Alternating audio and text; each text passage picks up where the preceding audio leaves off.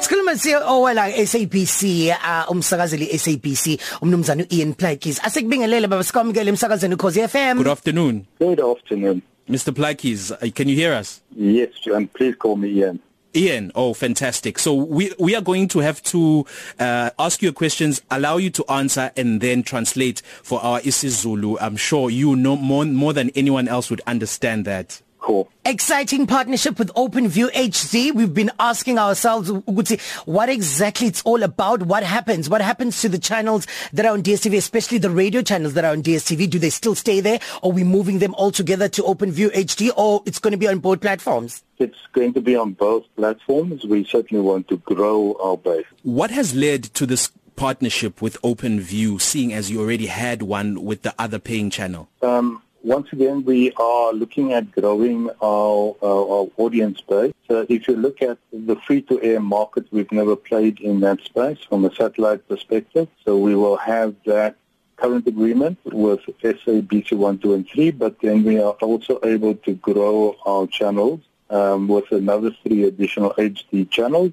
and then also put our radio uh, uh, channels and stations on the OpenView platform. uIan la uchaza ukuthi eh inhlelo zasemsakazweni nakumabona kude zisazoqhubeka zibe khona eh komunye umabona kude lo okhokhela yize noma sekumenyezelwa ukuthi sezizongena la ku free to air obizwa ngeOpenView bacabanga ukuthi njengoba uOpenView ekhula ngesivinini esikhulu kuna wonke ama free to air ingakho kuyintsebenziswana enhle ukuthi bayibandakanye njengomsakazeli SABC. So when do we start? When can we look forward to this uh, new transformation? When can we uh, uh, announce these new channels? When can we announce that Ukhosi and all the other 18 radio stations that they are now moving uh, uh, to OpenView HD? When is the big day? So we will announce the launch of the radio channels as well as the sport channel, which will be our first channel within the next month. Nice. Uh, the other two television channels will be announced within the next uh, three months.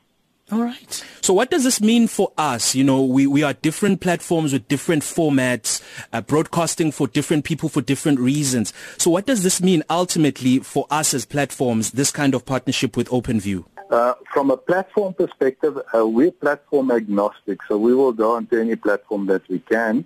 Um, it means that we are going into play into the digital uh, broadcasting space immediately. We're not waiting for the analog switch off, which is planned for next year. We're starting that immediately.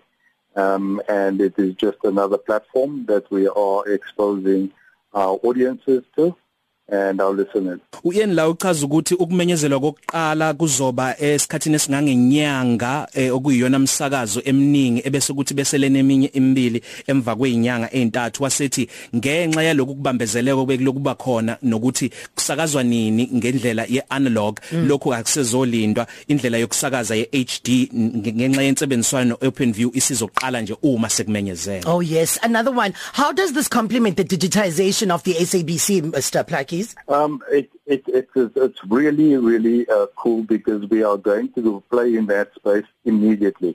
So it's huge benefits for everyone. For our audiences out there, from your Okozi listeners, they can now listen anywhere in the country uh, via the OpenView box.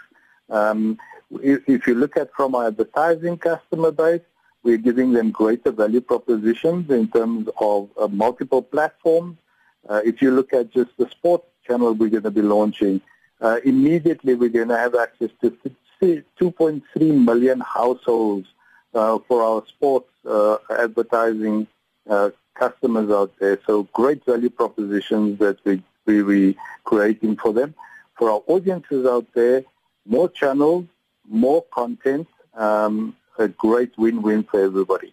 Uyen la uchaza ukuthi noma ngabe ukuphi eningizimu Africa usuzokwazi ukuthi ubukele noma ulalelo SABC kwi OpenView uthi futhi lokhu kuyithuba eliyinqayizivele vele kubakhangisi njengoba sebezofinyelela kumakhaya angaphezulu kwa 2.3 million. La khona futhi kuzoba khona eh isiteshi esizosakazela nje ezemidlalo. Lokhu ke futhi kusho kuwena mlaleli ukuthi kuzoba nama channel okusho ukuthi izinto eziningi indikimba phecelezi content izoba ningana manje. Ian thank you so so much for your time we do know that other radio stations are currently waiting for you for you to go on busy, and busy, also busy. of course and explain this new partnership to everybody else. We welcome the new listeners. That are going to be on OpenView HD happy friday. We love you. Bye. Awesome. 12 to 3 cafe.